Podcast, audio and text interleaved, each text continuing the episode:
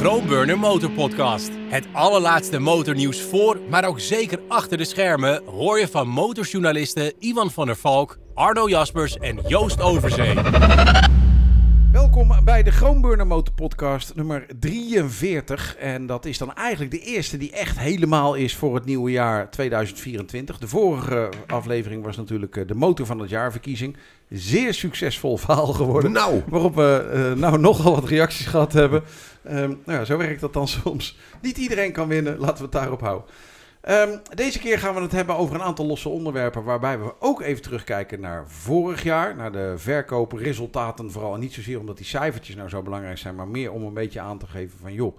Dit is wat er gebeurt. Ja. Daadwerkelijk in Nederland. eh, als je eh, sites, En in België. en in België. als je sites of bladen bekijkt, krijg je wel eens de verkeerde indruk. Ehm, er zijn nog wel eens mensen van een groot merk die dan bijvoorbeeld roepen over een klein merk dat het een scheet in een zak is. Dat is dan vaak ook zo, want als ehm, een bling bling merk met een eh, geweldig mooi nieuw ding komt, dan, dan schrijven we daar pagina's vol over. En dan worden er dan twee van verkocht of zo. En van een, eh, eh, een, een middle of the road motor waar er het meeste van verkocht worden, daar hebben we het wat minder vaak over. Eh, zodoende dus gaan we het daarover hebben. We kijken even wat naar uit naar eh, het komende jaar. Arno Jaspers. Absoluut. Ja, En, ehm, en dan gaan we ook nog wat nieuwsonderwerpen eh, behandelen. En dan met we bedoel ik dan eh, Arno Jaspers van Ducati, Joost Overzee van Yamaha en Ivan van der Valk van Suzuki. oh nee, nee, het was anders. Het eerste was wel waar, het tweede was Joost Overzee. eh, voor voor al de, de hondenuitlaatservice in Almere. En ik ben Ivan van der Valk van nieuwsmotor.nl.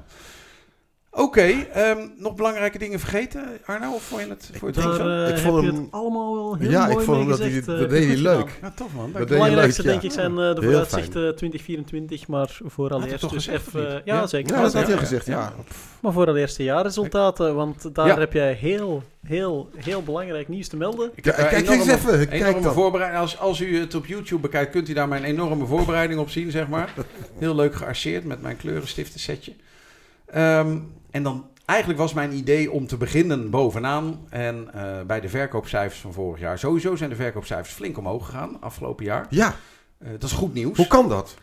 Eh, Dat- dat, dat- is een goede vraag. Ja, ehm, Ja.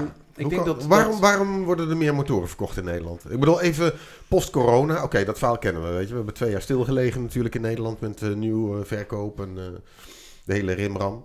Wa- wa- waarom gaat het zo goed? Ik denk dat eh, er. eh, ik denk zelf vaak dat er een superleuk aanbod gewoon is momenteel. Dat je voor relatief. Nou, het is nog steeds veel geld, maar voor relatief Hm. onder de 10 mil kan je een hartstikke leuke motor kopen nog steeds. Eh, en daar zijn tegenwoordig ontstellend veel goede, leuke motoren te kopen voor dat soort bedragen. En ik denk dat dat een tijd niet zo geweest is. Maar waarom gaan- wel is. Hé, Even, even advocaat van de duivel. Waarom gaan mensen niet surfen? Waarom gaan ze motorrijden?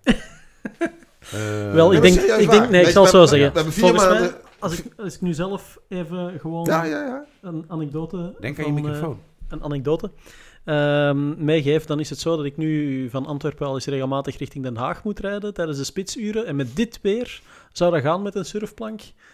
Met, met een auto is het Nou, waarschijnlijk een stuk trager dan met een windsurfplank. Afgelopen vier maanden. Maar met de motorfiets ben je er godverdomme drie keer zo snel. Ja. Maar dus, afgelopen eh, tijd was het wel heel hip om een motor te bouwen waar je een surfplank op kon monteren. Ja, dat- maar dat geldt dat uit. Waves en wheels Nee, ik en wil dat maar zeggen, file, mo- file mobiliteitsproblemen.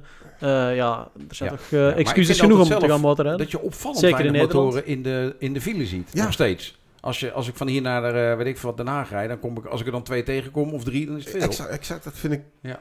Zijn er toch allemaal weer. Ja. Ja, mooi weerrijders. Zonder ook maar enig eh, oordeel daarover te hebben. Nou, Ja, dat, misschien het wel. Gaat, het gaat blijkbaar goed. Ik draai even je microfoon erbij.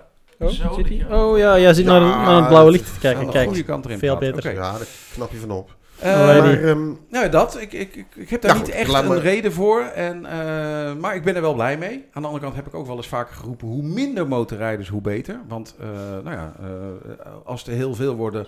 dan misdragen we ons met z'n allen toch wel weer eens een klein beetje. En dan krijgen ze mensen een hekel aan je. In plaats van wat het altijd was, dat ze je netjes voor lieten gaan... omdat ze toch sympathie voor je hadden.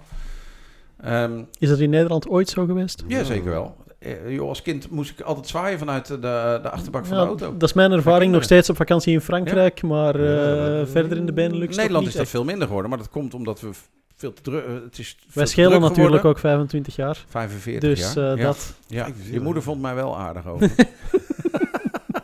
Nou, Ehm, dat, eh, eh, Nou, nee, laten we eh, erover ophouden. Ja. ja, laten we erover Laten we er nou, over ophouden. Best verkochte motor afgelopen jaar. BMW R1250 GS Adventure. En dan noem ik daar gelijk bij dat op 33, nee herstel op 38 de BMW R1300 GS al staat te trappelen. Daar komt nog geen Adventure van dit jaar, maar daar hebben ze er ook al 113 van kwijt weten te raken. Dus alles bij elkaar is er nog steeds een straatlengte voorsprong. Even gauw gerekend kom je dan boven de 900 uit. Dat zou trouwens AGS. wel een...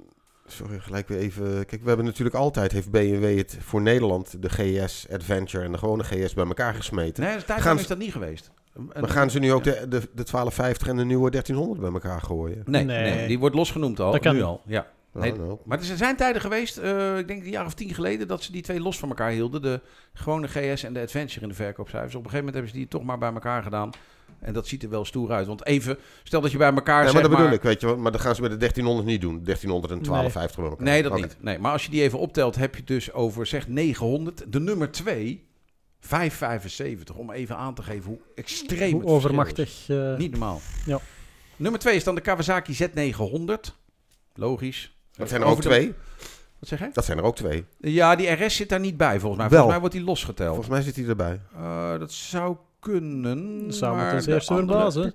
Volgens mij wel. Eh, dus ik vind het overigens van de RS altijd een schande dat die zo weinig verkocht wordt. Want Ja. dat vind ik echt een van de leukste motoren Ja. die er is. Ja. De Z650 RS wordt wel losgedaan.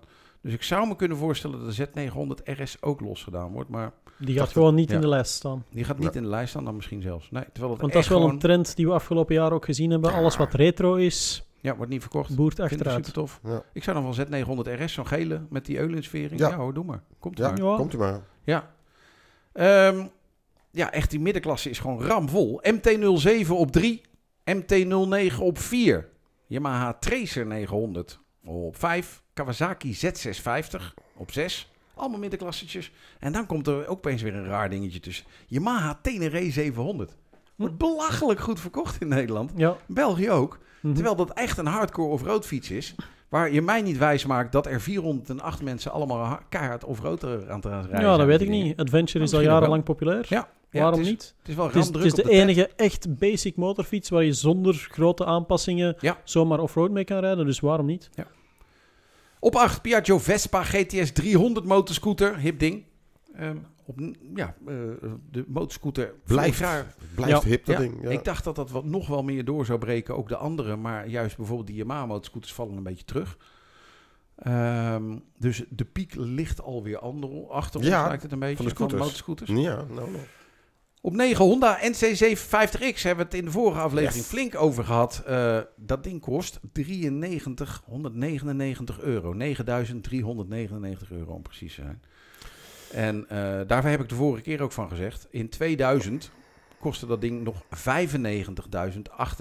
100, ja, 95. Dus het was duurder. Ja. dan nu. Toen hebben ze hem verlaagd naar 87, zeg 88. Hebben ze serieus geld afgedaan, 700 euro.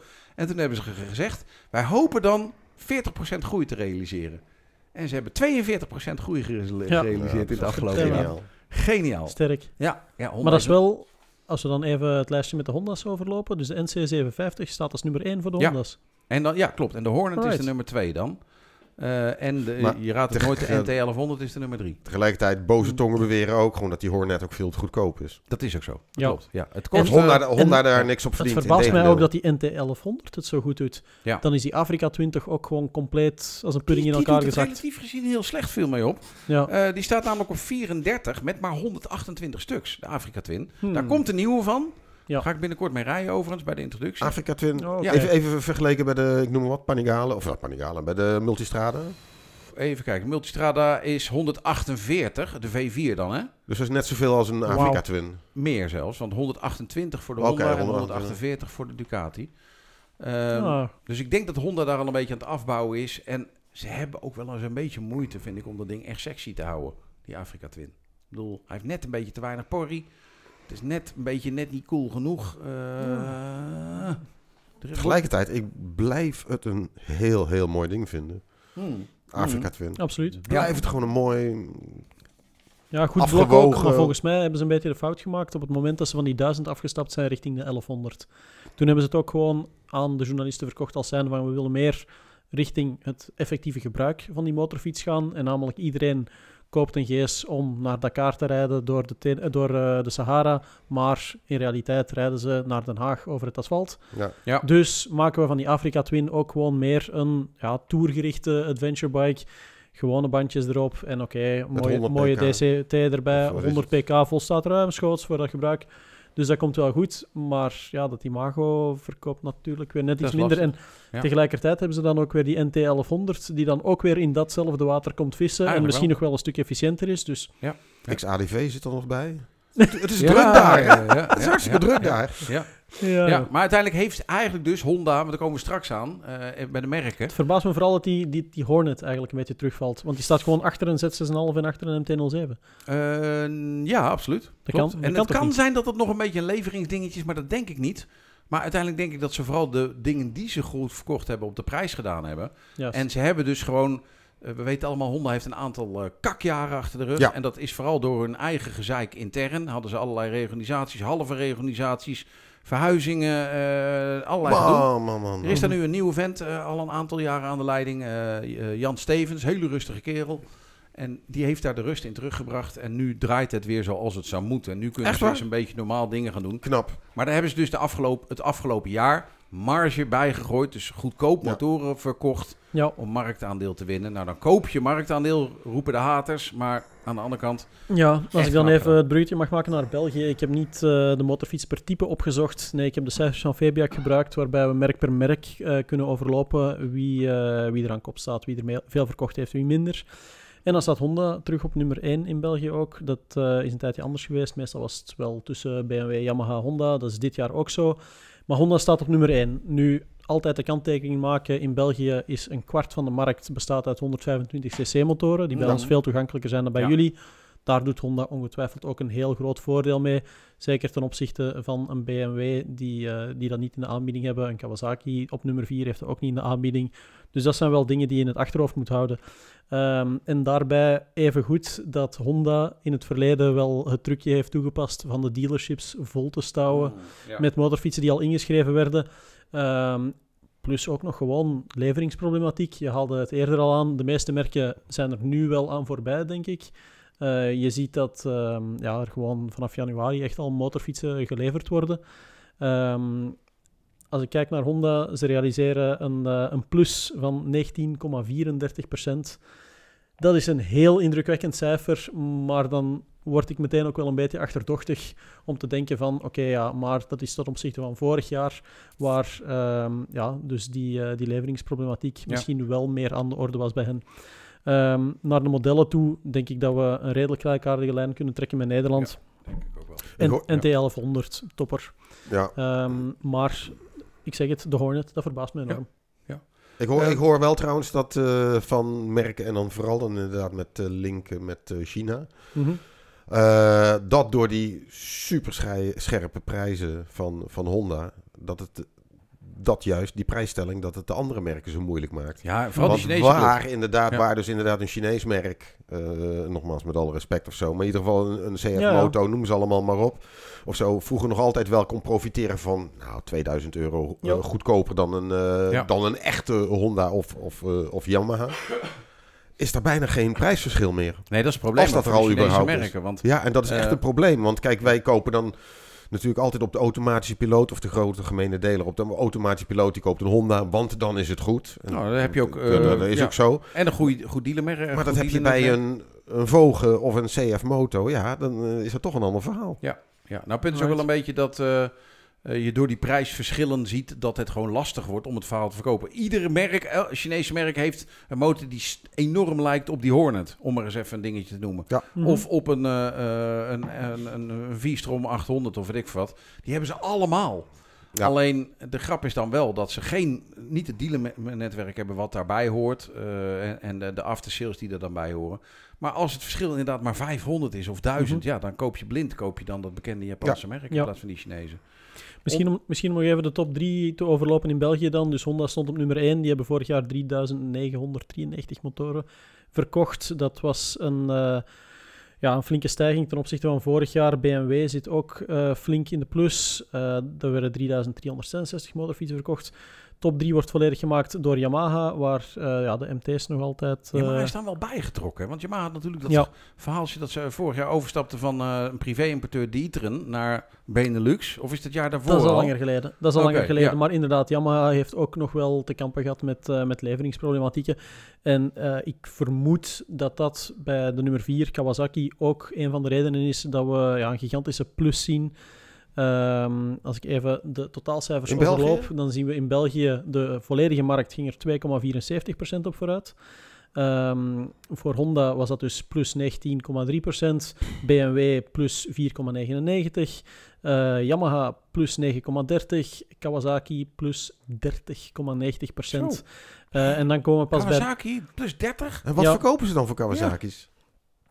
Die cijfers worden hier bij, eh, bij, Ah, bij, de, bij VBAC niet, eh, niet bijgezet. Dus je weet niet welke modellen er gigantisch goed scoren. Maar klassiek, de Z-modellen Z, scoren heel 6,5. goed. Vers- 30. Dus, eh, Versies die- scoren heel goed. Maar dit zijn dus de inschrijvingscijfers voor alle duidelijkheid. En die geven volgens mij een vertekend beeld, omdat ze langer met leveringsproblemen zaten de vorige jaren. Oké. Misschien dat iemand van Kawasaki wel wil reageren eh, op Ja, info Ja. at at motorpodcast.nl. Oh ja. Ehm, Nee, eh, Motorpodcast, nieuwsmotor.nl. Om even duiding te geven. Op nummer 5 zien we overigens Piaggio, die het in België traditioneel heel goed deden, omdat ja, daar ook de Vespa 125's als zoete broodjes verkopen. Eh, ja, die worden nu teruggeslagen met min 11%. Wauw. Dat is in de, in de top 10 naast Harley Davidson en eh, naast Harley Davidson, Sim en Kimco ook de enige grote dalers. Oké. Ik, vind nu, ik zou nu de, ook naar de merken kunnen gaan in Nederland. Maar ik denk, ik ga nog even door op de modellen in Nederland. Want die hebben we dus wel. Het blijft dan lollig. Top 10 wordt vervol eh, gedaan. Kawasaki Versys 6,5. En dan 11.000. Dus die Versys doen het ook hartstikke Right. goed. En dan heb ik uit de top 100 is wat dingen gehighlight. Opvallend bijvoorbeeld. Suzuki V-Strom 650. 237 stuks. Suzuki V-Strom 800. 188 stuks. Betekent dus meer van de oude V-Strom 650 dan van de nieuwe 800. Ja, En datzelfde zie je eigenlijk ook bij de SV650 en de GSX 8S. Er is het verschil nog veel groter. Van die SV650 186 Ja, moet je en, nagaan. en die GSX maar 145. Dus dat zijn dan toch alweer eh, opvallende dingen. Wij dat hier niet bij die podcast ook al eens een keertje gehad? Nou, eh, SV650, ah, weet je wel. Ja. ja, ja. Dan ging ik eens een keertje naar die, naar, die, naar die cijfers kijken. Van vorig jaar hadden we er 220 verkocht, weet je wel. Knaller van Ja. de ding. Ja, ja, ja, ja. Verkoopt als een dollar, hebben we helemaal geen weet van. eh. Opvallend vond ik verder de Honda XADV 750, die opeens heel populair geworden is. Nou zie ik in bepaalde delen van Nederland ik weet ook wat wel bepaalde delen, delen van eh, de motorrijders mee rijden. Eh, waar dat ding opeens super hip geworden is. ja. Eh, met een Harry Pup eronder. En, eh, De, de vroegere. T-Max-rijders de- die de ja. XADV ook ontdekt Alle- En een, bivakmuts, bivakmuts op die waarschijnlijk. helpen En, vaak wel ja, tegen de kou. Eh, opvallend qua verkoop. Ik weet niet wat jullie ervan van denken. Maar 26 en 28 zijn de Honda CMX 1100 en 500 Rebel. Wauw. Yes, sir. Hoe dan? Eh, ook de- Choppers, die komen helemaal Choppers. weer terug. Ja, Ja. of de choppers, cruisers, customs, weet ik veel wat. ja, Echt zo. En, en, en allemaal de voordelige dingen, weet je. Het, Ja. het zijn niet de... Het lijkt wel... het lijkt wel de jaren 80, 90 weer. Dat we die dingen uit Amerika importeerden, weet je wel. Wat je ook hebt, weet je. Super Kawasaki magna. die komt er ook weer met die Eliminator Ja, 500. Ja, en Introductie, die doet het ook niet Ja. slecht. Ja, Vulcan S. Dus zo'n die- Eliminator, dat was vroeger... Als je het dan over degeneratie van modelnamen hebt... Want daar hebben we het vaker over gehad. Ja. Toen had je de, de ZL 900 en de ZL 1000. Die Eliminator. Dat waren van die Oh, racebakken, ja. weet je wel. Van die V-Max-achtige dingen. Ja. En nu is zo'n... Ja. Ja. nu is het een eh, 500 systeem. Hè. Dat verkoop- ja. verkopen ze als een, eh, als een dolle natuurlijk, Ja. die dingen. Maar die, dus dat, dat segment, daar hebben wij nooit zoveel oog voor. Maar inderdaad, goedkope gaat- Japanse choppertjes. Echt. Ja, die gaan Maar het is ook te begrijpen, weet je. Als jij in Amsterdam woont, of in Parijs, of in, in eh, fucking Bologna, weet ik veel wat. Laag bij de grond, dat je als je dat ding geparkeerd hebt tegen de stoep aan, dat je achteruit kan rijden. Laag bij de grond. Ja, laag bij Helemaal de op grond. het lijf van de overzee. Ja, maar en Nou die, ja, weet je, het, het- die Vulcan S dus ook, die er ook 130 stuks van verkocht. Ik bedoel, Ja. Ja. Ehm, kunnen wij lachen, maar... opvallend is, eh, vond ik in ieder geval, maar daar hebben jullie al wat van gevonden, Arno, eh, de Triumph Trident 660. Daar worden Ja. er maar weinig van verkocht, net geen 100. Dat vind ik echt jammer, want in alle andere merken zie je juist dat dat segment als een dolle gaat. Gewoon Ja. zijn niet aan te slepen. De MT-07 bijna 500 en de Triumph Trident 660 Ik snap er niks van. 99. Ik zie buiten nooit een Triumph rijden. Nee, Nooit. Nee. Ja, Ja, misschien is in. Nederland ook een dealernetwerk dingetje, maar ik zeg het, we hebben een vergelijkingstest gedaan met die motorfietsen. Mm. En als je van een MT-07 op een Trident stapt, met alle respect voor Triumph, ze hebben een hele hoop leuke motoren in het gamma, maar binnen dat segment is dat verschil net te groot. Ja. En dan wil ik er nog zeker geen Hornet, die ook veel te goedkoop is, naast parkeren. Eh, een Z650 kan perfect bij in dat clubje. Ja. En zelfs de Suzuki GSX-8, die, eh, de S dus, die Maar- kan daar ook zijn nog bij. Die is, dan, die is dan weer ietsjes duurder. Het zijn geen trippels, maar dat is het hem net met die Trident. Iedereen is altijd zo zot van die trippels, omdat ze daarbij denken aan een speed triple en een street triple. En dat zijn echt kanonnen. Mm, Zelfs die street Ja. triple 660 met zo'n Ja, maar 100 zeker- pk, leuk ding. En dan stap je over op die Trident en dat is het net niet. Ah, Oké. Maar weet je, het stomme is, bedoel, we hebben het hier over Nederland. Hè? Nederlanders die willen altijd maximale uit hun portemonnee halen natuurlijk. Daarom zijn eencilinders, allroads, offroads, die zijn nooit populair geweest. Want voor hetzelfde geld had je een V-strom 650.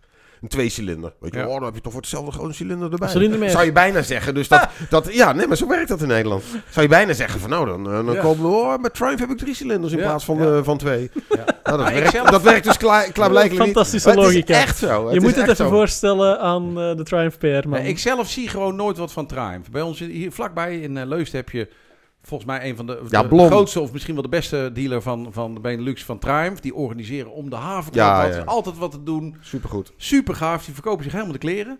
Eh, maar voor de rest, ja, ik zie gewoon momenteel vanuit Triumph geheel gewoon weinig. Dat, dat ik denk, wat zijn jullie nu aan het doen op dit moment? Jullie zijn aan het racen moet je met meteen verbeteren. moet je meteen verbeteren, want de beste dealers in de Benelux die zitten natuurlijk in België. Dat is waar. Nee, Waar de motorfietsen ja, een stuk goedkoper Ja. zijn. Dat is niet om dikke Nee. nekkerig te doen of zo, maar die zitten gewoon in België. Ja. Eh, ja, BMC is een hele grote in België. Bij mij in de buurt zit MTG, TC Motor. Er zijn verschillende eh, die het Moet erg... een afkorting die het naam hebben in erg, België, eh, goed doen. Ja, maar die zijn niet zo blijkbaar. goed als, Had die ik zijn nog niet zo goed als Blom hoor. Had ik nog niet over nagedacht. Blom zal ook een hele toffe zijn. BLOM. Maar eh, BLOM. BLOM.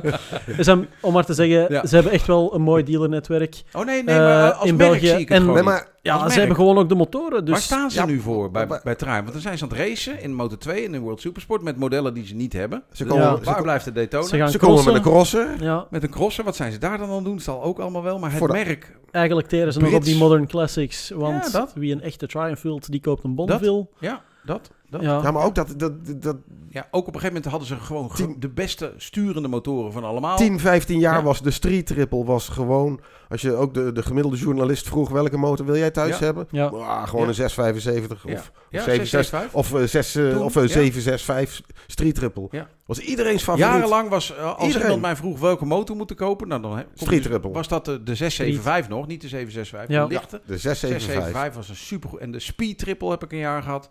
Fantastisch. Die, Ja, ik die heb ook onderscheiden zich echt. nog Echt. nooit iemand slecht gezind van een street triple zien afstappen. Echt. En als ik dan even realistisch denk richting Super Nakeds, dan zou ik misschien ook, ja... Dan moet ik zeggen dat zo'n Speed Ja. ook een heel interessante motorfiets is. grappige vond Zit ik in het vaarwater natuurlijk met, eh, met onze Street Fighter, maar... Ja, Zelfs wij zien hem over het ik hoofd leuk nu. ding. Dat is Ja. toch die- raar? Nou, die Speed Ja. Triple was eerst de hooligan. ja, En later werd hij de gentleman. ja, dat is juist. veel te lang hebben ze daarmee gewacht. Die, dat was gewoon, eh, Ja. op een gegeven moment was hij het liefste jongetje van de klas. Mhm. Oké, ehm, eh, gek of opvallend. Harley Davidson Pan America. Zijn er maar 82 van verkocht in het afgelopen jaar. Voor Ik Nederland. kreeg een eh, boze reactie van iemand die zei... Ik heb de vorige keer geroepen dat er geen verkocht werden. Heb ik ook gereageerd. Twee, en- eh, dat het er, toen waren het er nog 81. Valt me Er niks tegen, bijgekomen. 82. Valt me niks 82. tegen. Nou, ik vind het eigenlijk wel... eh, het is gewoon heel erg weinig. Vooral omdat Ja, dit het model van de toekomst is. Ja, De het is- 975 komt eraan, de lichte versie. Met het blok wat al in de Nightster zit en in de... eh, de naaiste. eh, nou, nog een model zit hetzelfde. negen- eh, De Revolution Max 975, lichtere blokje. Ehm zit in de Nightster. Ah, die man. Nightster Ja, precies. Nee, nee, ik vind het zonde dat Harley daar dus nog steeds niet met het nieuwe model gaat komen. Want dat zei diezelfde meneer die klaagde over de toon van, van, van ons of van mij over die. Pan America. Waarbij ik vind, joh, als jij teleurstelling ontdekt dat, we, eh, dat wij teleurgesteld zijn dat er maar steeds geen update komt, dan heb je dat goed ingeschat. Maar die komt dus nog steeds niet. Ja, maar daarom vind ik, dus, 2024 model daarom vind ik nog steeds- 82 stuks voor een model wat drie jaar lang onveranderd is. Ja. Vind ik nog niet verkeerd. Maar, ja, maar uiteindelijk was dit de nieuwe Ja. richting van Harley. En dan Ja, is dit ja, wel ja, zorgwekkend. ja, ja. Kawasaki Z900 RS wordt los vermeld. Kijk. 73 stuks. Zonde, mooi ding. Zonde. Veel meer het zijn. BMW C104. 70 Wauw. stuks. Ja, die elektrische C- motor van 6 meter lang. Echt waar? ja Ja. Scooter. Scooter. Nee, joh, dat is allemaal, eh allemaal grachtengordel. Ja, precies. Ja, nou, volgens mij staan... Ik, normaal is het dan zo, bij 70, ik denk dat ze dan 35 dealers hebben en die hebben er allebei twee. Zo was het in het verleden, zeg maar. Met dat soort moeilijke modellen. Ja, Dat was met die eh, C-Evolution was dat in de tijd ook maar. Nee, hier zijn er wel een stel van verkocht aan... aan nou ja, eh. Aan wie? Aan wie, Iwan? Aan wie? Aan wie nou? Ja. Hou ons niet in Aan spanning. mensen die niet van motorrijden houden. Juist. Ehm, Ducati Street Fighter V2 en V4, dat vind ik leuk. Die hebben allebei exact evenveel motoren verkocht. Ja, kijk. Echt. Gewoon exact op het, op, op, de, op het cijfertje af, zeg maar. Ehm, en dan moet ik toch ook vermelden, sorry, eh, eh, de Ducati Monster 57. Ugh. De Ducati Monster, eh, kan ik wel zeggen, is inderdaad een, een pijnpunt. Hè. Het lijkt alsof dat, eh, de mensen niet warm lopen voor een monster zonder trellisframe. Ja, het En speciale terecht. is eraf. Ja, jij vindt het terecht. Ik vind het volledig terecht. Maar als je dan gaat rijden, in, ik ben er 100% zeker van, doe een vergelijkingstest met de oude en de nieuwe. Ja, Oh ga jij- nee, maar daar gaat het mij helemaal niet van om. praktijk. Natuurlijk gaat het jou Ja. er helemaal niet Nee, om. Jij het zou, om- jij zou ja. ook een, eh, een originele Porsche 911 kopen en niet de nieuwste met Ja. elektronische sturing en weet ik veel wat nog allemaal. Ja. Maar als je echt met de motor rijdt, Oh, Ik draai mijn blaadje om, want ik gok dat we een beetje in de tijd gaan lopen. Oh, nee, en dan wil ik toch oh, nog, tijd eh, zat, jongen. Oké, nou dan wil ik toch zat. nog even... De Yamaha is namelijk voor het eerst na 13 jaar eh, marktleiderschap van BMW... is Yamaha de nieuwe marktleider. Daar leek het al lang op. Ehm, normaal was het dan zo dat in december of in de laatste maanden van het jaar... dat BMW nog alles uit de kast trok om bij te komen.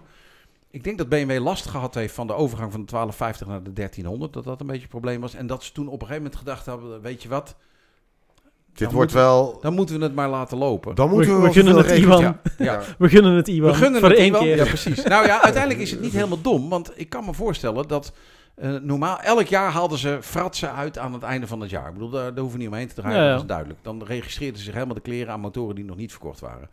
Dat hebben ze dit jaar dus niet gedaan. Een heel klein beetje heb ik het idee om nog voor Kawasaki te eindigen. BMW is 3 geworden en Kawasaki 4. Maar dat betekent dus wel dat ze voor het eerst in jaren op nul beginnen. Dus niet met een achterstand met nog een paar schuren vol met motoren met een kenteken erop die nog even weggedouwd moeten worden. Oké. Nee, ze beginnen nu op nul. Ze beginnen nu. Dus jij verwacht volgend jaar een klinkende die overwinning BMW. 1300 GS is nu weer vol, is nu volledig leverbaar. Dus ik gok dat ze nu gaan rammen met die dingen. Mhm. Ehm, ja, het probleem van BMW is altijd geweest de breedte. Ik bedoel, het is de GS en voor de rest eigenlijk helemaal niks. De RT verkopen ze in Nederland ook nog wel aardig wat van. Maar RT doet het in België ook heel goed. Die staat eh, ook de- traditioneel ook in de top 5 Ja, zelfs van best verkochte motorfietsen. Een hoop Ja. zwaantjes bij zitten, of niet? Daar zitten ongetwijfeld een hoop politiemotoren bij, maar ook particuliere Ja, het is de enige of, in of dat zakelijke segment. aankopen. Ja, het is, het is een is goed de ding. En ik enige overgebleven ik snap die mensen ook tourvizier nog, is. hoor, die zo'n Ja, inkomen. het is een goed ding. Ja, ik, eh, ik snap die helemaal. Ja. Eh, maar uiteindelijk is die strijd dus voor het eerst in al die jaren eh, in het voordeel van Yamaha gevallen. Ik Mhm. moet daar wel bij zeggen wat ik grappig vind. Iedereen die ik altijd daarover bel, daar heb je Iwan weer bellen. eh, dan zit je weer te zeiken over verkoopcijfers. Nou, dat klopt inderdaad. Ehm, iedereen zegt e- ten eerste, het maakt ons niks uit. Het is helemaal niet belangrijk. Dat is wat de eerste. Het tweede is wat ze altijd met droge ogen beweren is... Wij kloten daar helemaal niet mee. Dat doen wij niet. We gaan geen motors registreren. Heeft, Yamaha dat ook gezegd van het maakt ons niet veel uit? Yamaha heeft dat wel duizend keer tegen me gezegd. En de grap is nu wel dat ze in december... Jij, jij weet meer. Ja, in december, in de allerlaatste week, hebben ze nog even 78 MT-09's geregistreerd. Voor de zekerheid, denk ik dan. Eh, daar komt dan wel bij, de nieuwe MT-09 komt eraan, dus die dingen moesten echt weg. Ik weet dat er bij een grote dealer in het noorden van het land, wiens naam ik niet zal noemen, maar het begint met, een, eh, met een G en de eindigt op Ebben. eh, dat daar eh, nogal wat van die motoren met een meer dan 1000 euro korting aangeboden worden. Dus ik denk, en dat gaan ze nu keihard ontkennen, en dat mag ook best, want dat doet iedereen altijd dat ze toch nog een beetje zenuwachtig, een beetje spichtig werden en dachten, weet je wat, we doen nog even die MT-09. En ze hadden vooral ook nog geen promofilmpje klaarstaan. Dat hebben ze snel in elkaar ja, ja, gemonteerd. ja, ja, ja, ja, ja, ja. Schitterend hoe het Ja. jaar eruit zag. Ja, dat, ja, zij, eh, ja. dat zij nummer 1 waren en gedeeld hebben Ja. op alle sociale media. Ja, maar, ja, eh, Hadden ze daar een ja. filmpje van? Ja, ja, ja, Ja, ja. absoluut. Nou, ze ik, vond het hilarisch. Ik dacht, dat heeft ja. Iwan gemaakt, want niemand anders geeft daar ook maar één flying fuck om. Maar, maar blijkbaar niet dus. Als je eh, wint, opeens geef je er wel op. zeg Ja, maar. ja, dat. Als je, Nee, wint, je als je merkt- wint, heb je vrienden. Als je wint, heb je vrienden. Nee, je hoort gewoon ook van alle mensen binnen alle Yamaha-dealerschappen. Met ik wat. Ja. Iedereen is daar toch heel blij mee. Het is ja, maar echt een terecht, jongen. Het is, het is hartstikke gegund. Kom. Ja. Ja, ja, daarop, daarop zullen we deze eerste helft eh, even afsluiten. Mag ik één dingetje roepen, want dan zijn we er vanaf. roep het. Honda is twee geworden dus. Ja, Heel knap gedaan. Super knap. Eh, hebben eh, een enorme groei doorgemaakt. En je ziet dan eh, dat eh, eh, BMW het echt heeft laten lopen. In december hadden die 41% minder dan vorig jaar. Ja. Normaal hebben ze in december dus enorm registratiecircus. En dan is het wel zo dat BMW wel, ondanks de, de flinke groei van de hele markt, 13% eh, procent is de markt gegroeid. Eh, BMW klein beetje gedaald, dus 13, eh, 0,13%. Alle merken zijn gegroeid, behalve Harley Davidson, Triumph, Piaggio en vreemd genoeg Royal Enfield. Dus eh, dat is een beetje hoe de Nederlandse en Belgische markt er tot nu toe uitgezien heeft in En- het afgelopen jaar. Hmm. En dadelijk gaan we vooruitblikken nog verder naar 2024. Ja, goed plan. Ben je op zoek naar nieuwe motorkleding of accessoires? Dan ben je bij Groenburner Motorgear aan het juiste adres. Met meer dan 28.000 verschillende producten op voorraad hebben we altijd het juiste product voor de beste prijs. Je vindt ons langs de A59 vlakbij Den Bosch. Tijdens het motorseizoen zijn we maar liefst 7 dagen per week geopend. Bestel je liever via onze webshop, dan versturen we jouw bestelling nog dezelfde dag als je op werkdagen voor 10 uur bestelt. Groenburner Motorgear. Fun starts here. En nu terug naar de podcast. Goed, tot zover de jaarresultaten van 2023. Ik eh, stel voor dat we dadelijk vooruitblikken naar 2024. Maar voordat we dat doen, moet ik de jaarresultaten in België wel met een hele flinke korrel zout meegeven. Want het is als volgt. In België heb je de jaarresultaten en daar zien we inderdaad dat er 2,7% motoren zijn bijgekomen, 2,74%. Dat gaat op een totaal van, grof geschat, 25.000 motoren. Veel meer dan bij ons, hè? Dat is een pak meer dan bij jullie. Zoals gezegd is daar een kwart 125cc motorfietsen Ja, van. klopt het wel een beetje. Maar dat is eigenlijk niet eens de grootste motormarkt. Want die nieuw verkoop, dat is natuurlijk maar een fractie in vergelijking met de tweedehands verkoop. Ja. En dat is in België natuurlijk een heel interessant verhaal. In 2023, het jaar dat de technische controle bij verkoop werd ingevoerd. Als je een ongeval hebt of als je motorfiets wil verkopen, moet je in België tegenwoordig eerst langs de technische controle passeren. En de voorbije jaren ging dat om ongeveer een 80.000 motorfietsen die er verkocht werden, tweedehands. Na de invoer van de technische controle is dat cijfertje gezakt met 25.000 motorfietsen. Zo. Yes, dus de tweedehandsverkoop die is compleet in elkaar gestort. Zit op min 30% Ehm, we Maar waar zit vermoeden... dat in dan? Waarom is dat eh, te veel gedoe? Of, eh? Wel, voor zover we het kunnen inschatten, ik heb hier ook over gesproken met de mensen van Traxio, Filip Rijlands, een eh, ex-motorjournalist trouwens ook, die, eh, die specialiseert zich daarin en die is ervan overtuigd, dus enerzijds dat het te veel gedoe is, dat er ook, ja, je moet iedere keer dat je langs de keuring passeert, moet je 48,10 euro betalen, Eh, maar vooral, je, bent er een hoop lekker. tijd, je bent er een hoop tijd aan kwijt. En ook voor dealers, voor professionelen, is het tegenwoordig zo dat in het begin was iedereen fan, want technische controle betekent meer werk. Ja. Ehm, betekent voornamelijk ook veiligere motorfietsen. Niet meer de horrorverhalen van compleet afgesleten tandwielen en ga ze maar door. Ehm, maar ondertussen zijn die dealers wel allemaal bezig, een halve dag in de week minimum, met iemand naar de controle te laten gaan met die motorfietsen. Controle is ook enkel op afspraak. In het begin waren er maar 15 keuringscentra, intussen zijn dat er 29.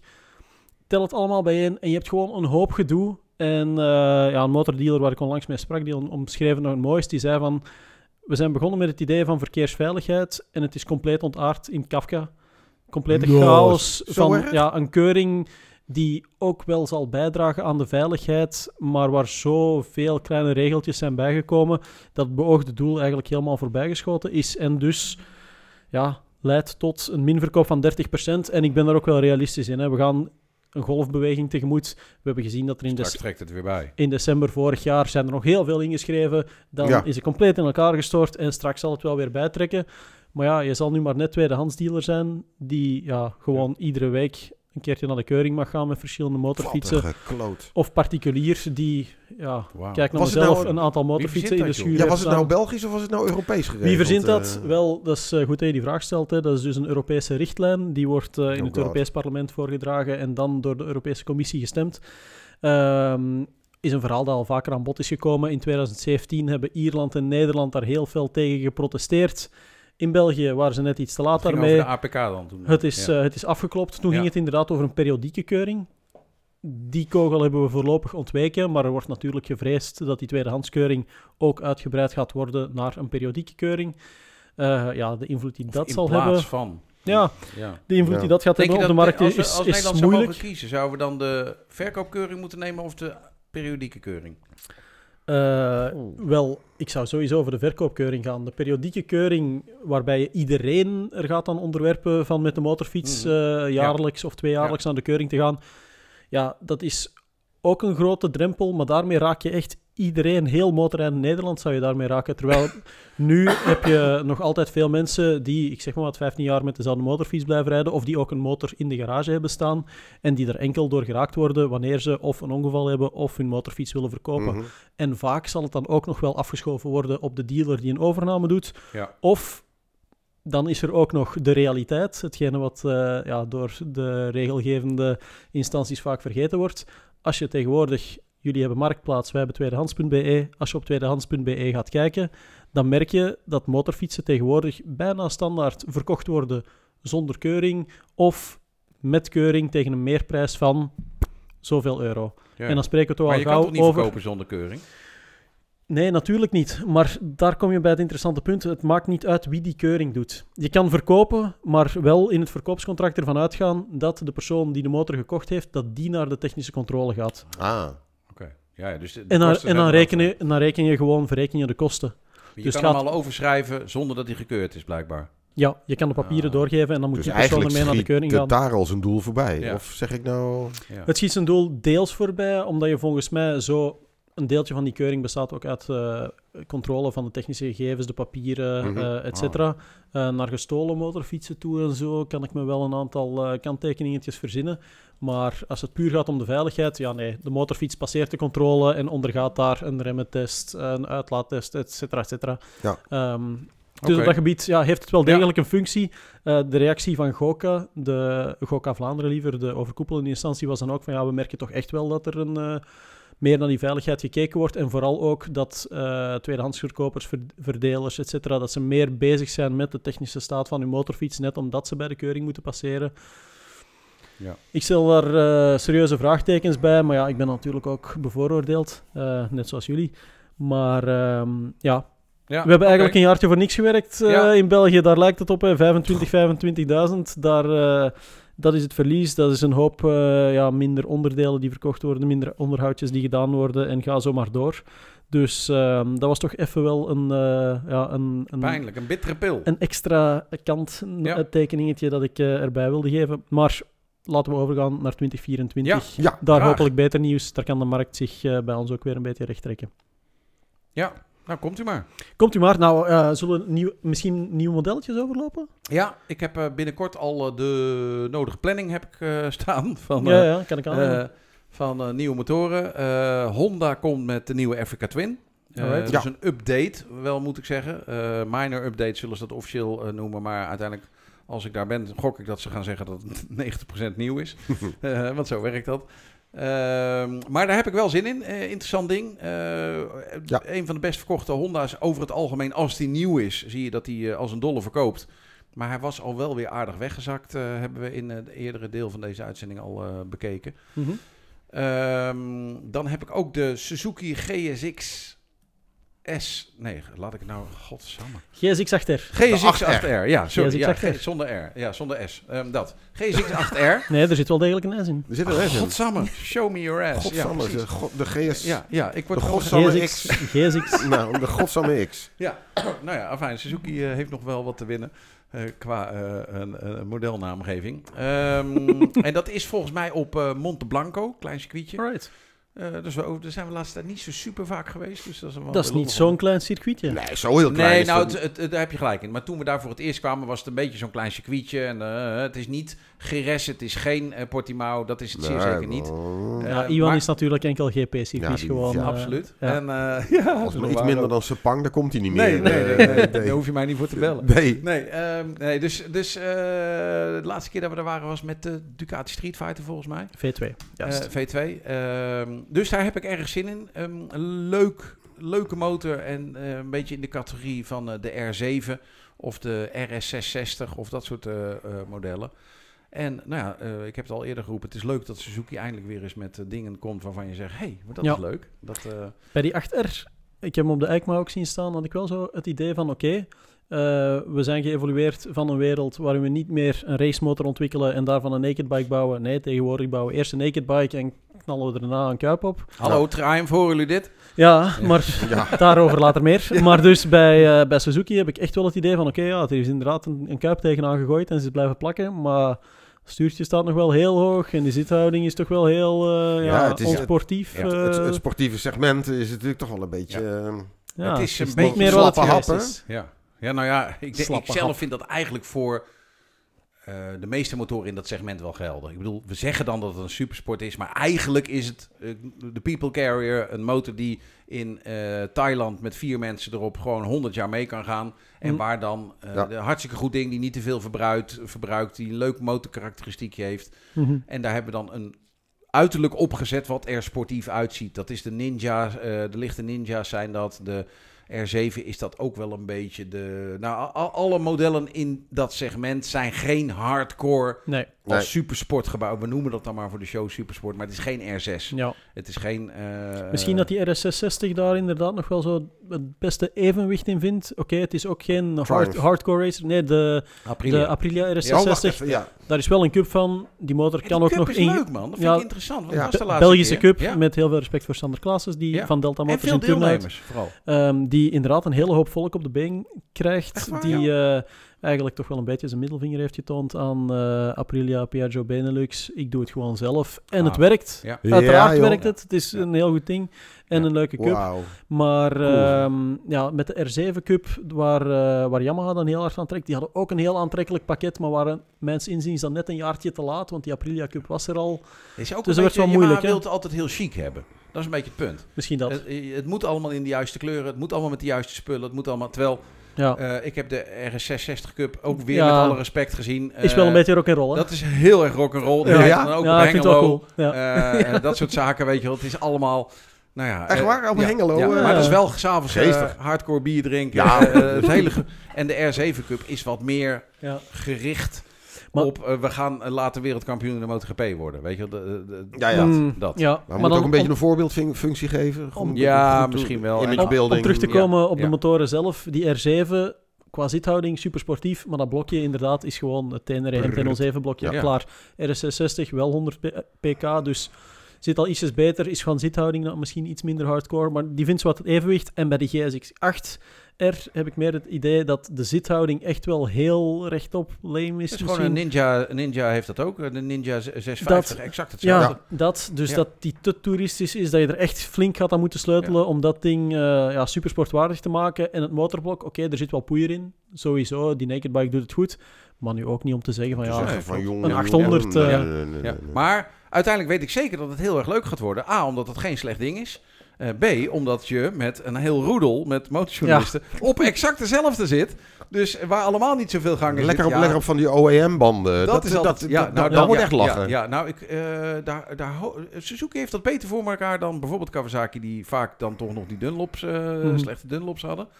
Ehm, maar ik ben bang dat die OEM-banden er inderdaad wel weer onder En zitten. dan ben je mooi klaar mee op circuit. Aan de andere eh, kant, als oh. iedereen ze heeft, is het, en vooral Monteblanc, is wel een listig baantje hoor. Daar kan je zelf Ja, ja, vies- ja. Verkijken op eh, van misschien toch en een setje slicks mee in de, in de Ja, bagage. in, de, in de handbagage.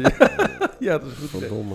Hey, Ja. jongens, ehm, nu we het toch hebben over supersports die niet echt supersport Nou, zijn. ik, eh, de ik- Super sorry, ik Twins. zit nog- Oh, eh, nog nog iets? zit nog in mijn lijstje. Eh, sorry hoor, want ik eh, de vierde... Ja, doe gerust. Ja, de, de, Ja, wat, eh, wat ging ik ook weer nog meer doen? Oh ja, Yamaha MT-09 zit eraan Oh, te komen. ja. Eh, nou, oh, ja. dat- Oh, ja, ik, oh ja, ik heb ook nog wat te melden. Oké, cool. Ehm Yamaha MT-09, eh, ja, dat is de- een verkoopknaller. Dus als daar een update van komt, is dat altijd eh, hartstikke goed nieuws. Het- ik zat wel een beetje te kijken. Ik denk, ik mis best wel een beetje het grote nieuws dit jaar bij Yamaha. En dat is, eh, want die MT-09 is de verkoopknaller. Dus een update daarvan is per definitie groot nieuws. Maar voor de rest zijn er geen echte, nou, knaller van Nee, maar ze hadden op de. Eikma toch ook niet, niet dat ik er was. Maar, Nee, daar waren ze niet officieel. Er stonden ze op een, een, eh, officiële Italiaanse stand alleen. nou, dat was in de... Dus ja, ook ja. geen nieuws. Eh, maar, eh, du- dus dat, maar het is voor hun een heel belangrijk evenement wordt dat dus, om die MT-09 eh, te pushen. Ja, het is een beetje... het is op... beetje slappe hap eigenlijk. Lanzarote is het volgens mij. Nou, Nou, Oh. Oké, daar Ja. werd de eerste MT-07 volgens mij ook voorgesteld. oh, oké, cool. Heel Ja, goede herinneringen Ja. aan. Ja, ja. En eh nou ja, ik, goede ik vind grip. de MT-09 een super gaaf ding. Asfalt daar? Ja, En er zijn wel wat dingen aan dat ding altijd net wel wit. Vooral de gasreactie kunnen ze altijd nog beter krijgen bij de M209. Maar voor de rest vind ik het echt altijd een gaaf ding. Dus Ja. daar heug ik me erg op. Ehm, en dan als vierde de Ducati, eh, de Supermono. Nou, Juist. dat, dat, eh, Oh. ja, de hypermotaar. eh we moeten nog een beetje aan wennen. 768, 678, 698. 698. 698. 698. Eh, nou, daar, eh, dat kan al- alleen maar eh, gekkigheid worden, denk ik. En het mooiste is dan als je in de Engelse groep zit, denk ik. Wow. Weet je zeker dat het één grote klerenzooi wordt. Nou, of met de Fransen. Ehm, of met de Frans kan ook Fransen, wel. die Ja. kunnen ook wel Nou, wat. daar hebben wij wat slechte nieuws over. Want daar heb je de, de jongens van Moto Ja. en Motar die er altijd bij waren. Ja. Die allemaal konden rijden als de duivel. En, en gewoon van hier naar, naar Frankrijk en terug wielen en dat soort gekkigheid. Maar helaas, dat blad hebben ze de stekker uitgetrokken. En ik weet niet of Ja. ze digitaal doorgaan. Dat zal haast wel, maar... Ja, ze hebben natuurlijk digitaal ook een heel groot gevolg. Ja. Ehm, voor de mensen die Moto en Motar niet kennen, zoek het alsjeblieft een keertje op, want het is echt een, eh, een niche magazine. Het is nooit eh, extreem genoeg bij die jongens. En eh, ik vind het persoonlijk heel jammer. Het is een van de... Ja, man. Als ik zelf, ik ben nooit de grote blademan geweest. Ik heb weinig papier gekocht. Maar als ik dan in Frankrijk eens eh, passeerde, Moto met Dan haar, pakte ja. ik wel een Ja. Moto En en leuke gasten mee. ook nog. Dat, eh, ja, toffe, gasten. toffe jongens allemaal. Dus eh, ik vind Voor het de, jammer, mensen, voor de jammer mensen thuis, het is een beetje de, wat performance bikes was. Ja, hè, En ja. fast. En, Ja, daarover gesproken. Ik Superbike. heb tegenwoordig een, zo'n digitaal abonnementje op Bladen, Blendel. En dan kan ik dus Fastbikes, het Britse blad, bekijken. Heb ik laatst bekeken. Die doen gewoon nog 16 pagina's over een, eh, een, test, een vergelijkingstest tussen twee motoren, weet je wel. De R7 en nog wat. 16 pagina's. Echt waar? Dat bestaat echt nergens meer, denk je. Maar gewoon daar bestaat het nog wel. Andere markt. Ja. En als we het dan toch over Engeland hebben, dan denk ik dat we misschien een, eh, een oversteekje kunnen maken. Ja, want ik heb ze gehad. Nou, ja, Ja. Joost had ook nog... Oh ja, ik heb nog een... Eh, die 400 van eh, Triumph. Oh, ga je daarheen? Eén cilinder. Oh, echt? Alright, cool. Nou, cool. Ja, Valencia. superleuk. Reuze veel zin in. Ja. Scramblertje. Ja. Ja, mooi. Scrambler en de, Ja. de, de gewone. Ja, tot Ja. nu toe, al zonder een Ik meter eh, hartstikke gereden mooie te hebben, vind ik dat van alle, zeg maar, gedownsized Chinese eh, versies. Ja, zijn die Vind ik dat de 400 van. Triumph. Thaise Ja. versie denk ik bij Triumph. Hè? Ja, of is het ook, eh, Aziatisch. Ik bedoel, de, Ja, dat. eh, ja, Hm. ja. En dan Ja. eh, Harley heeft ook een X350. En dat zijn allemaal Ja. van die dingen die eigenlijk niet voor Europa zijn. Precies. Maar deze Maar die komen wel, wel. eh, Dus ja. er echt reuze veel zin in. Ik hoop alleen dat die ook gewoon netjes is. Want dat is wel iets waar ik me zorgen om maak. Voor zo'n laag budget. Triumph is altijd de Ja, best dat afgewerkte motor van, van dit op, de, moment. op de Eikma zagen ze er heel goed uit. Ja? echt heel goed Absoluut. uit. Ah, oké. Ik Ja. Ja, dat is wel heel belangrijk voor ze. Want ik vind vaak van alle motoren die Triumph is het best afgewerkt van alles, zeg Ja. maar. Hè? Mhm. Ondanks dat ze in Thailand gebouwd worden. Heel maar- benieuwd. Ja, kijk, jij begon met Engeland. We zijn overgegaan naar Triumph. En dan ja, kan ik wel mooi verder gaan. Want Triumph, eindelijk, eindelijk Nee. kwam het Nee, nee, persbericht. nee, nee, nee, Jawel, Ja.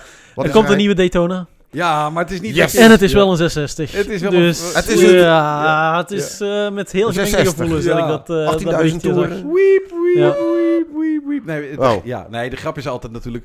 Overal, waar ik kom dan op de eh, Ja. Grand Prix nog wel eens. En dan lopen ook die lui van... En dan vraag je elke keer gewoon... En dat is een beetje een soort van running Ja, gag geworden. Wanneer komt die? Nee, wanneer gaat het blok nou eens in een racemotor dan? Want, eh, eh, eh. Oh, die hebben jullie niet. Oh, dat is ook raar.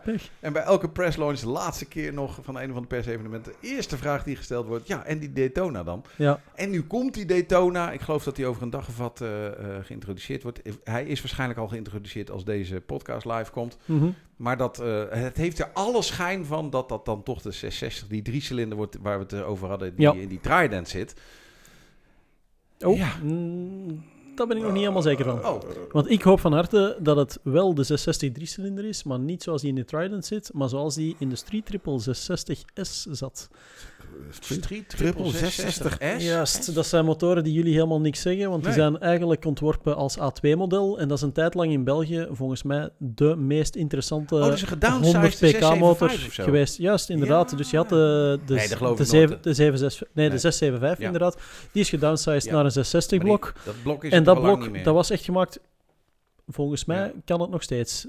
On- ma- Ja. maak, mijn, maak mijn dromen, Ja, ja, maak aan mijn jou- dromen nu niet kapot. ligt het niet. Maar Maak mijn dromen nu niet kapot. 15 cc eraf? Het zou, volgens mij, het zou volgens mij heel veel steek houden, want dan kom je wel uit op een motor die en gekeurd kan worden voor A2-rijders en die nog steeds, als die vrijgesteld wordt, een 100 pk-ding is. En dan zit je dus perfect in Ja, het vaarwater van een dat ding niet meer, RS660. Want, want uiteindelijk, eh, de pla platformbouw De Street, Street. Triple S wordt in België nog steeds verkocht. Die is er een tijdje tussenuit geweest, omdat die veel te goedkoop eh, op de markt was.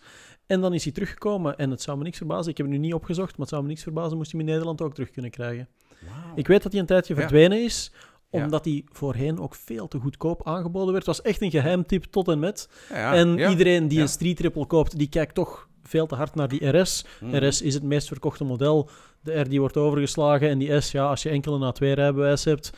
Oké, Ja. ja. tegenwoordig ging er heel veel voor de Trident, maar die Street Triple S deed het goed. Maar Ja. het is een totaal ander Maar blok. het is een compleet ander blok. Want in, ja. die, in die Trident 660, dat is echt gewoon een beetje ja, de, het brave middenklas blokje. pff, Mhm. eh, hè, de- wat, wat, wij dan wel eens, wat ik nog wel eens denigrerend een frikandel noem, maar dat, nou, Ja. fijn.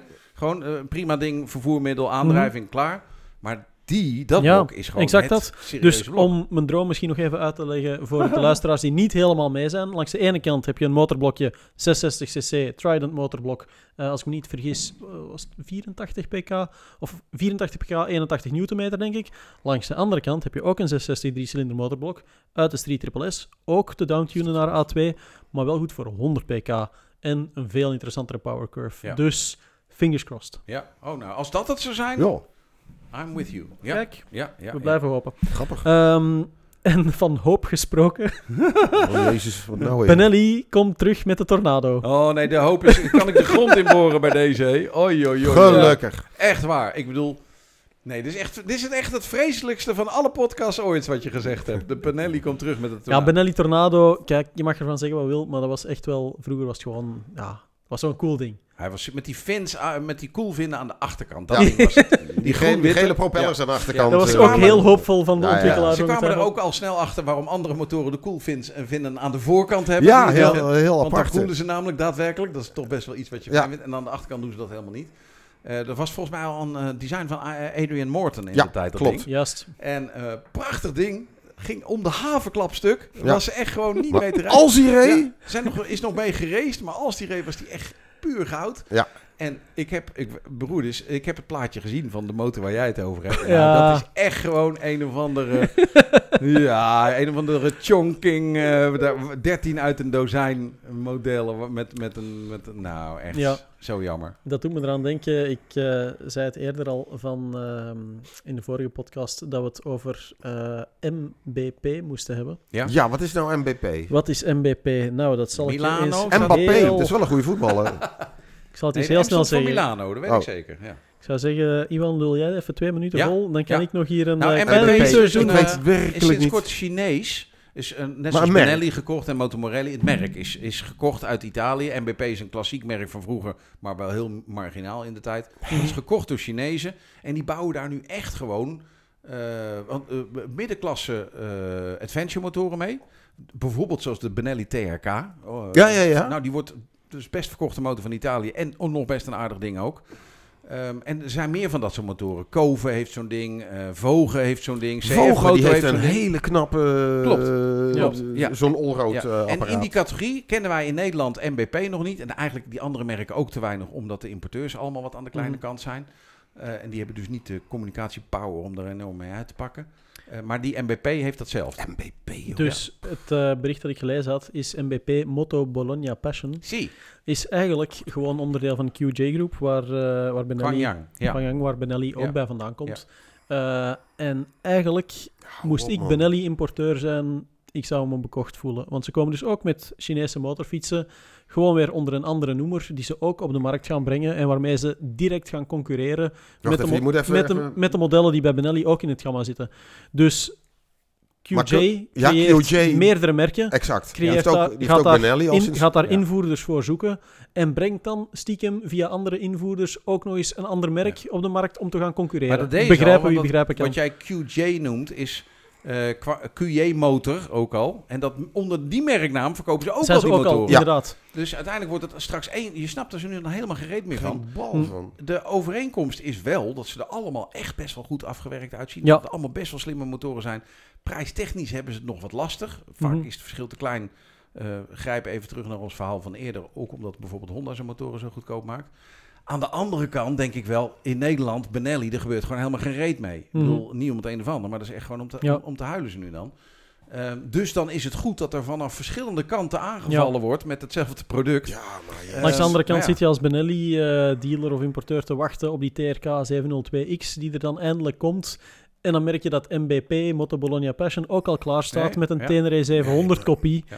Die ja, gewoon rechtstreeks in hetzelfde vaarwater Maar ik komt. zou het wel gaaf vinden als daar een importeur bij zou komen die echt gewoon vol gas ervoor gaat. En niet, bijvoorbeeld eh, de importeur van Benelli in Nederland doet ook eh, vooral veel scootertjes. Mhm. En die zijn er super Wie- druk wie- met wie- wie scootertjes. doet Benelli? dat in Nederland. Dat is gewoon Moteo, Moteo, nog ja. steeds. Ja, ja. En die zijn super druk met Oh. scootertjes en met allerlei andere dingen. En daardoor zie je dat die eh, Benelli motoren nou, nauwelijks aandacht Mhm. krijgen. En dat is best zonde, want Ja, maar dat is jammer, best want aardige dingen bij. die Leoncino bijvoorbeeld, Ja, dat is best een leuk Ja, ding. dat is super Ja. leuke motorfietsen Ja. zijn dat, van Tof. Benelli. Sorry, correctie. Tof ding geworden. Ja, dat klopt. Die eerste... Want die eerste launch, was- Ja, ja, ja. die vergeet, uit, eh, daar waren wij alle drie bij. En Ja, die vergeet, ik nooit, bij, die vergeet Ja. ik nooit van mijn leven. Nee. Eh, Bij mij liep de Eén reden, reden was inderdaad dat bij jou de ketting eraf liep en dat je daar bijna in het decor.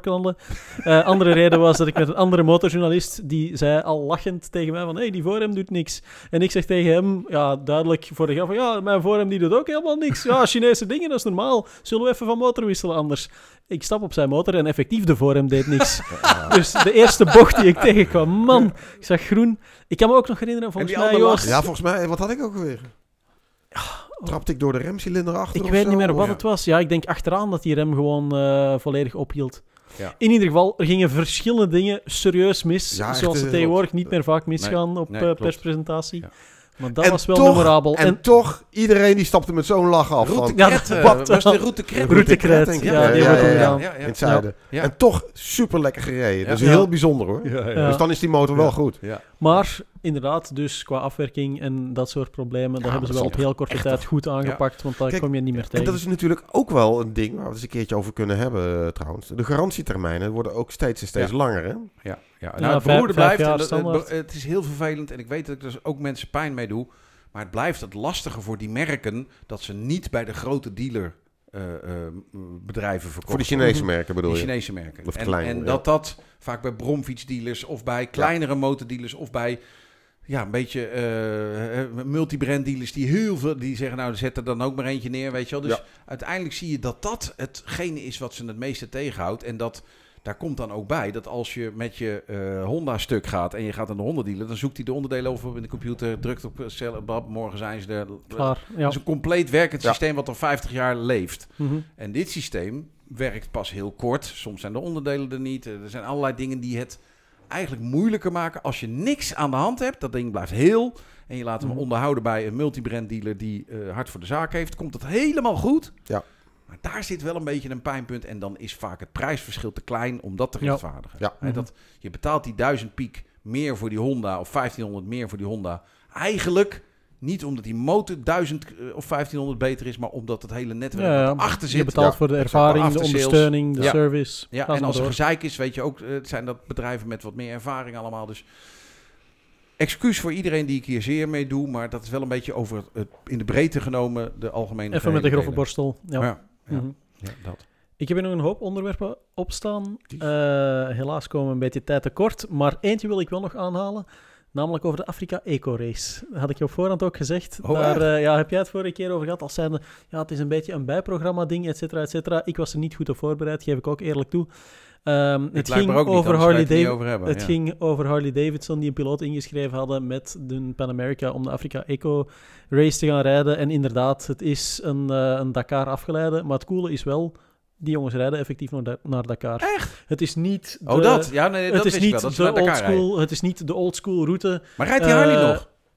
Dat is een goede vraag. Volgens mij rijdt hij nog, want ze hebben nog maar twee etappes gereden. Wanneer, wanneer deze aflevering uitkomt, ben ik ervan overtuigd dat hij niet meer rijdt. Nee, ja, nee, dat was, nee we wisten Nee, dat ze naar waar. Dakar gingen, naar het Lac die Hardy Ja. rijdt mee en deed Ja. het eigenlijk zelfs nog redelijk goed. ehm, tussen de Tenerace en de, de Tuaregs en alle andere lichtere eh allroads. Maar ik vind het wel...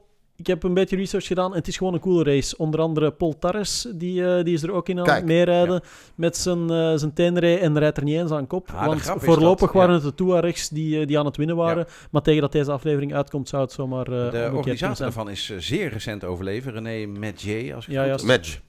Ja. Ja. Ehm, die is zeer recent overleden. Eh, het grote verschil is, nou, ah, het is, het is veel kleiner dan de Dakar Rally als Ja. commercieel circus. Het grote verschil is ook dat ze inderdaad naar Dakar gaan, naar het Lac Rosé. Ehm, en dat het voor mo- Lac Rosé en eh met J. Nee, je moet even... Even, even de accentjes op de Ac- E. De accentjes Eh, even weghalen. Hoe zeg ik dat ook weer? Les mon cul. dus Ja. dat is wel het Frans wat ik dan kan. Ehm, maar, ehm, en het verschil is dat in eh, de Dakar mag je 4,5 maximaal rijden. Yes. En in de Afrika Eco Race komen opeens al die grote 6,5, 7,5, Ja? 800's. Dus die komen daar. De, de straatmotoren, de lichte Adventures worden dan Mhm. omgebouwd. Want Paul Tarres zit echt niet op een Teneré eh, Nee, zoals die te tuurlijk. koop is. Dat heeft er niets meer mee te maken. Maar wel met zo'n 700 cc motorblok erin. Dus Ja. dat is dan wel weer tof.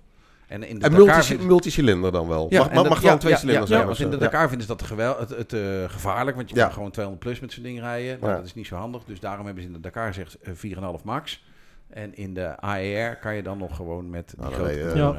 Ik vind het heel cool. Voor Ja, mijn part tuurlijk mochten ze nog één ding veranderen Ja. en dat is terug echt het oude klassieke tracé van de Dakar volgen. Dus echt eh, Vanuit Parijs. ja, gewoon eh, richting Algiers de oversteek maken en niet richting Tanger en dan Maar- eh, naar maar ja, beneden door de Maar Sahara, de, de, de overleeft niemand. Daar zijn te veel dreigingen Ja, momenteel. Ik heb die Afrika Eco Race één jaar commentaar moeten doen bij. Eurosport toen nog in de tijd.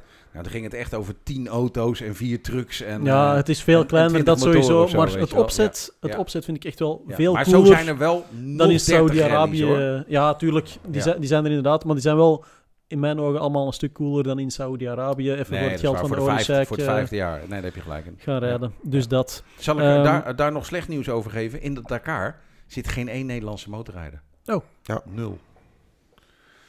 Niet Nou, best. Niet dat weten we dan ook weer. Ja. Ik had als laatste nog staan Motoshare failliet. Ja.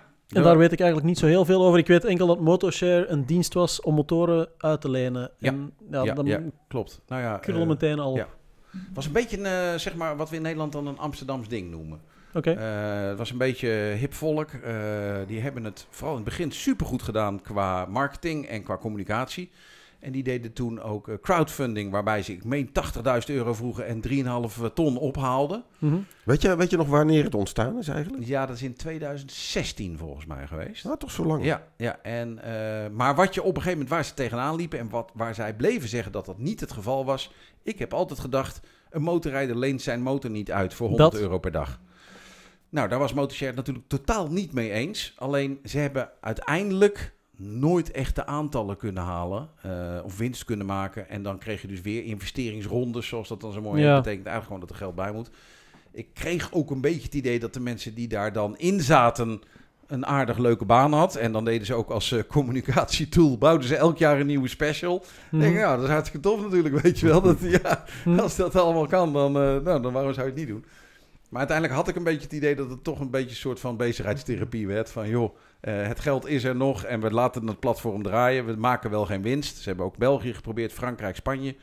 Eh, maar uiteindelijk denk ik dat de basisgedachte van de deeleconomie klopt misschien wel. Maar het is al moeilijk om je auto uit te lenen. Maar je motor, kom op. Jeetje, mina. Ja, grappig. Nee, dat Zeg- zeggen wij dan drie journalisten die niets anders doen dan op andermans motoren Helemaal rijden? waar, helemaal waar. Ja, Dat ja, is inderdaad ook Ja, wel en dan zie je eh, nog wel eens, we hebben allemaal voor een artikel wel eens op een motor gereden van een particulier waar Ook al. trots op is. Ja. En dat, dat hij dan eigenlijk een beetje zo, ook al stap.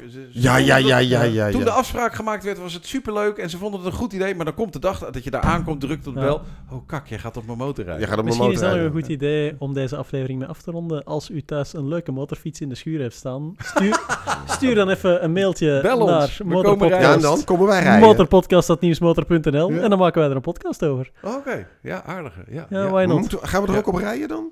Jij gaat erop rijden. Ja, dan verzinnen we ergens een plek waar we ze allemaal samenkomen en dan gaan we daar rondjes erop rijden. Overigens hebben we nog wat meer uitnodigingen op zak. Eh, bijvoorbeeld kunnen we gaan deurtrekken en we kunnen gaan eh oh ja, bij eh, de Mirjam, Mirjam, we Mirjam. kunnen, bij Van Mirjam Heiningen, kunnen we ook nog meer van Heiningen kunnen we ook nog gaan Mirjam rijden. van Dus we zijn nog hartstikke druk in de 2024. Ja. Als je nou nog een evenement hebt waarbij je denkt, daar moeten die drie gasten ook komen rijden, doe even mailen. Motorpodcast.nieuwsmotor.nl Bingo. Kamasutra beurs. ook een keer naartoe. Dus Goed. Heel veel bedankt voor het luisteren. Tot de volgende keer.